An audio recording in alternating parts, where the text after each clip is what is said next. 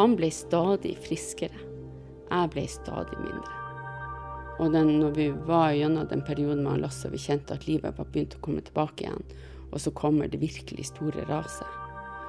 Og det er klart, jeg var så redd de ukene på intensiven.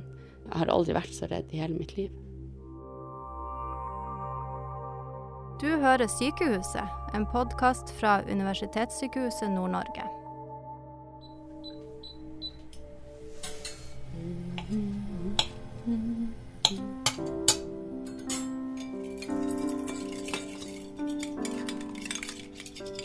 Klokka er halv ti på formiddagen, en helt vanlig mandag. Ute har sola gjort jobben med å varme opp småfrosne nordlendinger på vei til jobb. Inni et hvitmalt hus på vestsida av Tromsøya står en 56-åring og steiker omelett. Noen meter ved sida av henne der sitter sønnen på 23 i rullestolen sin. Han har nettopp knust egg og rørt inn en betydelig mengde krydder. Omelett er det som smaker best akkurat nå. Han kan nemlig kun spise most mat for tida. Sriracha-sausen er klar. Ja, det går bra. Skal du ha den? Nei da. I denne episoden av Sykehuset skal du få møte to personer som har vært, og delvis fortsatt er, alvorlig syk. Men først og fremst så skal du få møte hun som har stått ved sida av de to syke og vært deres beste støttespiller. Merete Saga Lønnum hun er en av rundt 800 000 personer her i landet som er pårørende. En rolle hun fikk plutselig og uventa. Med halvannet års mellomrom så ble først mannen Lasse, så sønnen Vetle, alvorlig syk og pleietrengende. Nyttårsaften for to og et halvt år siden er et av de siste minnene hun Merete har om livet sånn som det var før sykdom ramma familien så hardt. For da hadde vi eh, storfamilien vår på besøk her hjemme hos oss. Og så etter klokka tolv så er det en tradisjon i vår familie at vi spiller Pictionary, altså mimespill. Og da er vi fire generasjoner. Og han Lasse er sykt god å mime. Han er irriterende god å mime. For vi får ikke lov til å være på samme lag. Ektefeller får ikke være på samme lag. Så um, da sto vi og var alle til stede. Ingen av sønnene våre ville ut på byen. Ingen av de unge ville ut på byen. Så vi vi hadde det kjempeartig den natta. Og fem dager etterpå står jeg på et uh, rom på sykehuset i Bodø og mimer. For det er det han Lasse har av språk.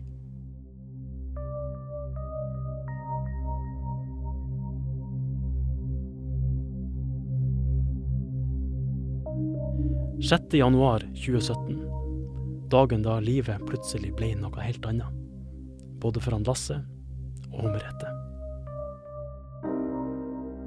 Han Lasse var i eh, København på jobbreise. Falt om på et hotellrom og ble liggende.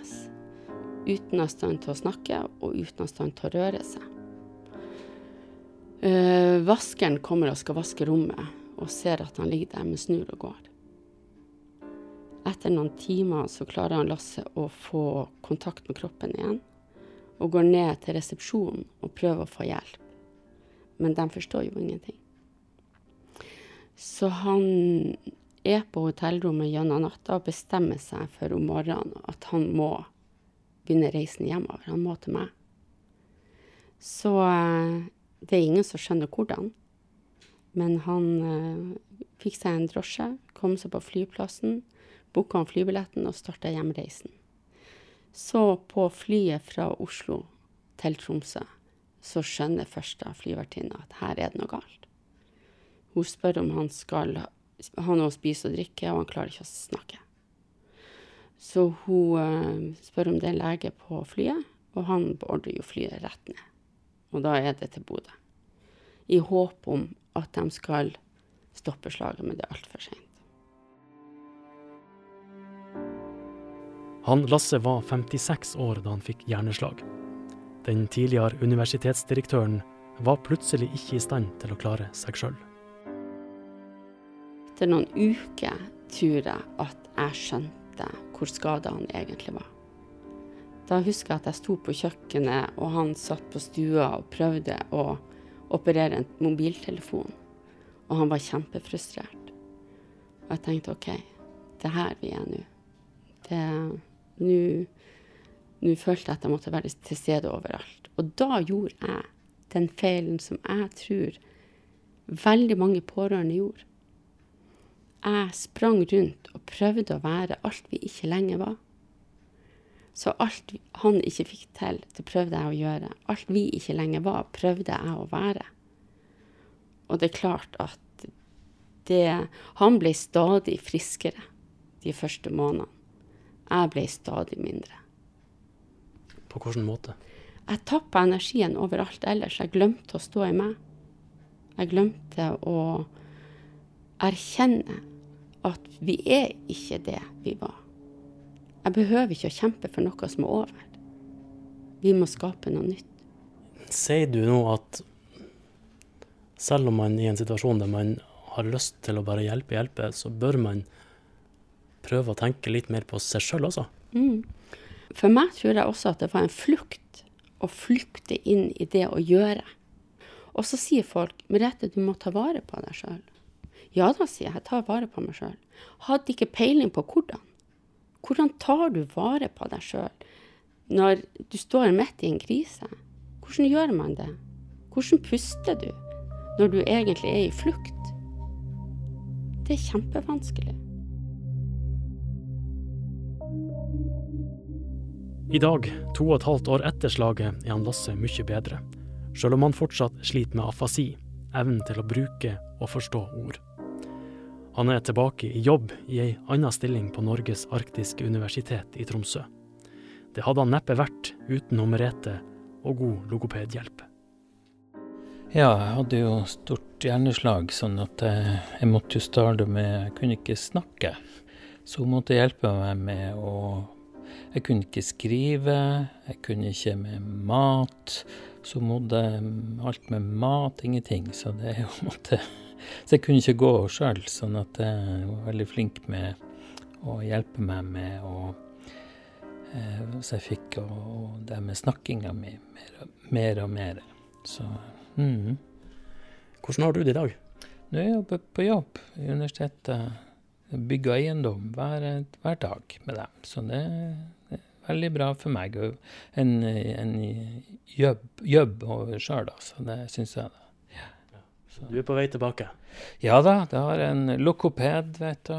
Og det er en afasien som er litt som er problemer. Men det, det går bedre og bedre, syns jeg. da. Og de andre òg, så det er veldig bra. Hjerneslaget til han Lasse var ei stor påkjenning for hele familien. Men gradvis så de mer og mer lyst på livet. Så slo lynet ned for andre gang på kort tid. Denne gangen traff det sønnen Vetle, som da var 22 år. Han Vetle hadde vært plaga med gallesteinsanfall det siste året, og sto på venteliste for å fjerne galleblæra. Så fikk han et nytt kraftig anfall, og vi havnet på UNN. Og de skal fjerne en gallestein som de står i gallegangen da, før de skal ta ut blæra. Og da blir det en perforering og det leker galle inn i buken som utløser bukspyttkjertelbetennelse, betennelse, inflammasjoner, og han blir kritisk veldig syk. Jeg, I begynnelsen så skjønte jeg ikke hvor ille det var. Jeg googla bukspyttkjertelbetennelse og leste om dødelighetsprosenter og at dette var kjempealvorlig. Eh, han hadde så store smerter at han havna opp på intensiven ganske fort etter at de hadde åpna og sett hvordan det virkelig sto til. Og eh, han ble stadig svakere og veldig prega av smerter og medisiner. Og jeg kjente utforbakken. Og eh, legene fortalte meg jo ikke sant, at dette var alvorlig. Og etter noen dager til så ble han lagt i koma fordi at han ikke klarte å puste ordentlig. Og det heter jo medisinsk koma, da. Mm. Og han lå i koma i fire uker, og ja Det kom så mange komplikasjoner. Det var blodforgiftninger, det var lungebetennelse, det var nyrer som svikta, det var magesår, det var ja, multiorgansvikt. Uh, han var jo delirisk før han ble lagt. Altså, han, hadde han vært eldre, så hadde han vært død. Mm. Så han kjempa for livet. Og kirurgene og sykepleierne og alt sammen med han. Mm. Og du? Og jeg. Jeg sto og fikk lov til å være der. Og for meg var det veldig viktig å være noe kjent. For jeg vet ikke hvordan det er å være i koma. Men jeg var veldig oppsatt på at det skulle ikke være så fremmed rundt han. Jeg skulle prøve å stå og være meg. Være kjente hender, være kjent stemme, kjent lukt, en kjent energi. Så jeg er veldig takknemlig for at jeg fikk være det. Så det jeg gjorde, jeg lagde meg et sånn mentalt bilde på at når jeg gikk inn døra til intensivavdelinga, så la jeg sorgen, frykten, igjen ute. Så jeg tenkte at nå går jeg inn som mamma.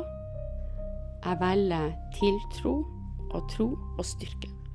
Det tok jeg med meg inn. Og så kunne jeg ta det andre når jeg kom ut.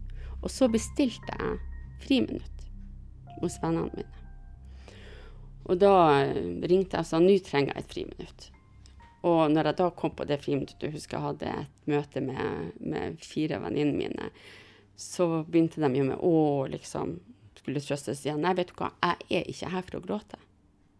Fortell meg om hverdagslivet. Jeg vil høre alle de bitte små tulletingene vi er råfrustrert for og ja, glad og lykkelig overfor. Vis meg hverdagen. Jeg bestiller tre minutter med hverdag. Så du vil rett og slett høre om vennene dine sine små, trivielle hverdagsproblemer? Er ikke det deilig? Er ikke hverdagen deilig? Og det å få lov til å være og stå i det, eh, det var en kjempegod pause for meg. Mm. Og du fikk ikke noe skyldfølelse for det? For at du på en måte slapp han i noen minutter? Nei, jeg gjorde ikke det. Jeg valgte å ikke ha det. Jeg vil samtidig si at det å være pårørende når det er så intenst, det er som en malstrøm som kontinuerlig går i deg. Og den, når vi var gjennom den perioden med Lasse, vi kjente at livet var begynt å komme tilbake igjen, og så kommer det virkelig store raset. Og det er klart, jeg var så redd de ukene på intensiven. Det var så eh, Det var tungt å være i kroppen. Sånn at det føltes ut som kroppen skulle svikte hele tida. Så, når jeg sto opp om morgenen, så måtte jeg liksom virkelig kjenne at jeg hadde kroppen med meg. Så eh, jeg har aldri vært så redd i hele mitt liv.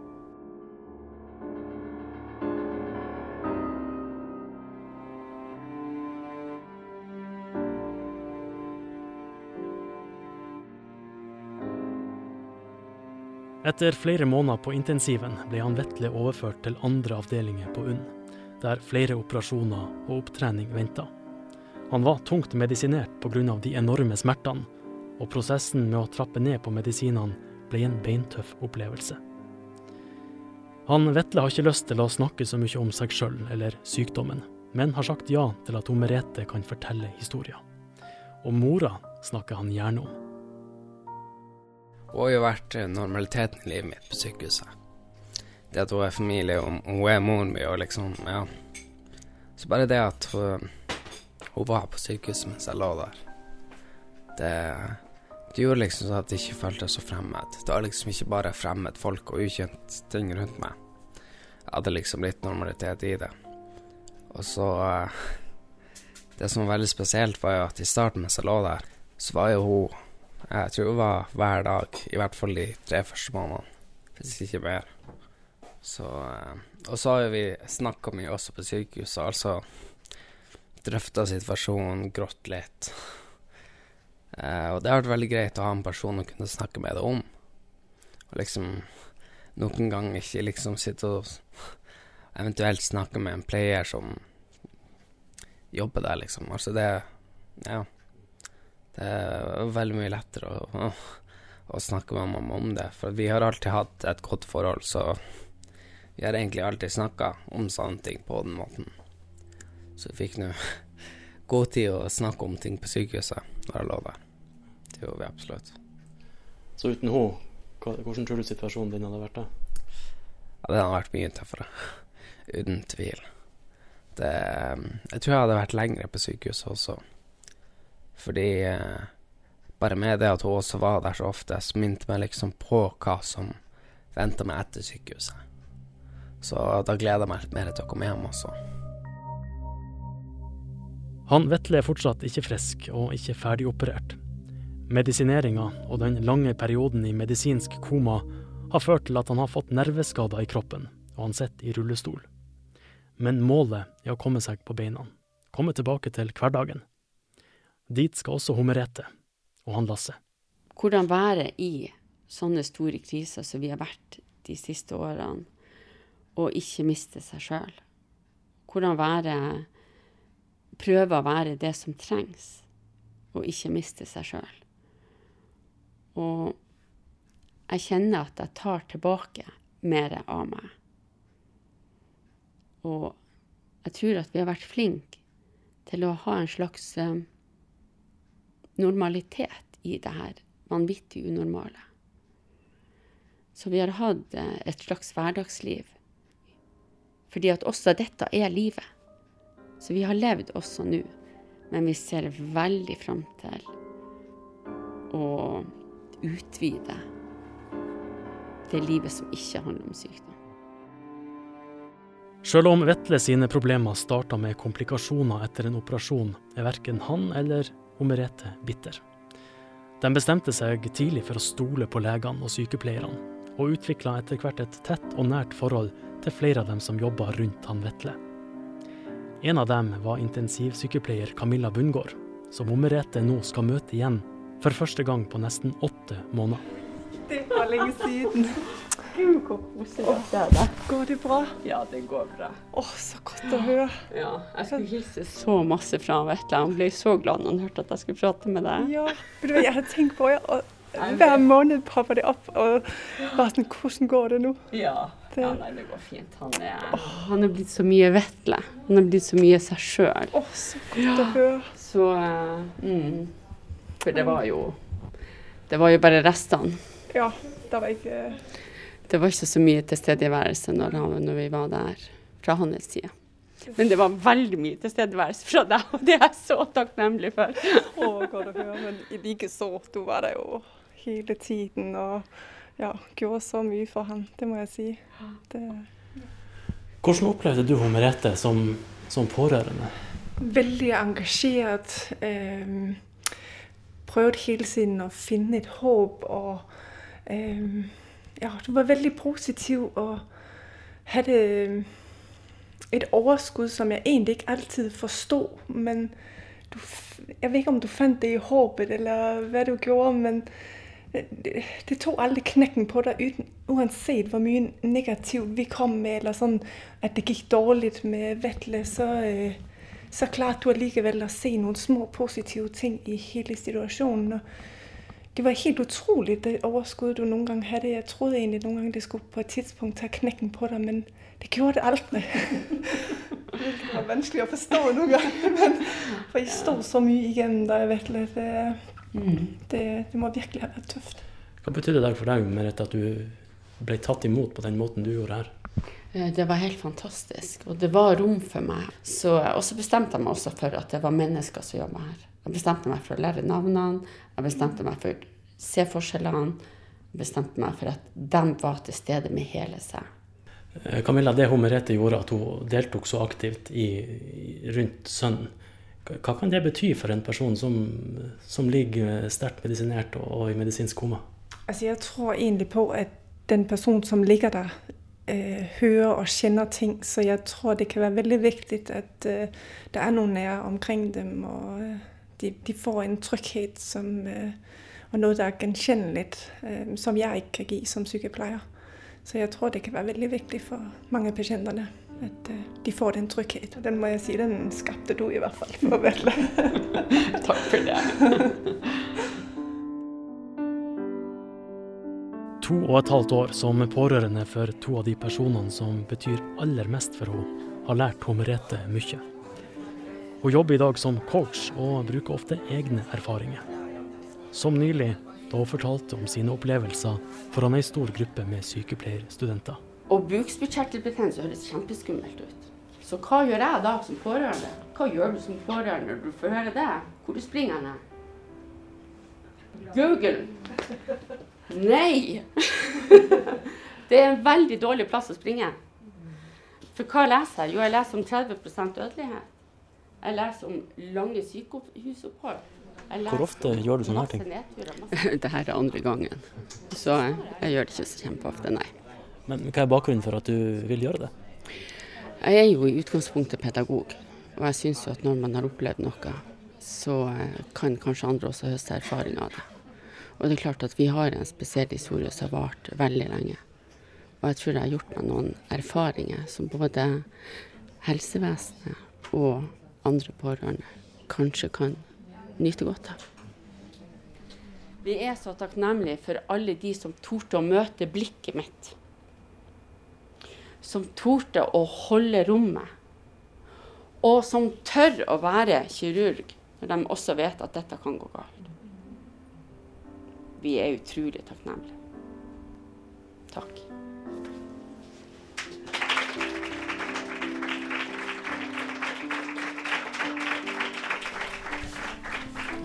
Hva du gleder deg mest til i sommer, Vetle?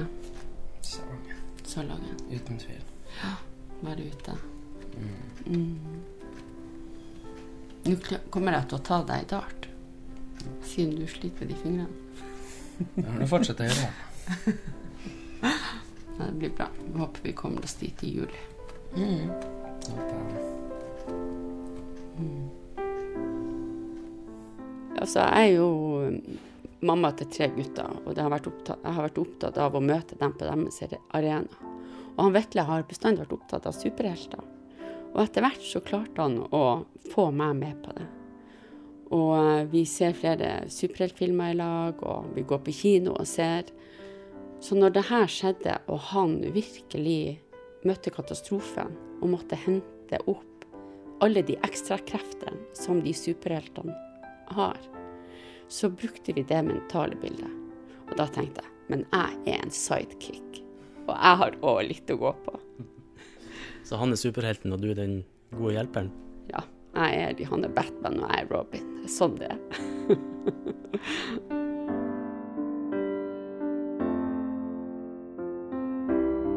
Du har hørt Sykehuset, en podkast produsert av kommunikasjonsavdelinga ved Universitetssykehuset Nord-Norge. Serien er laga av Bjørn Resvoll, mens Frode Abrahamsen har hjulpet til med den tekniske tilrettelegginga. Astrid Rydland Aasen fra Sykehusets kulturavdeling har komponert og spilt inn musikken. Ansvarlig redaktør er Hilde Pettersen. Har du tilbakemeldinger eller tips om andre historier vi kan fortelle, ta gjerne kontakt via e-post kommunikasjon krøllalfa unn.no.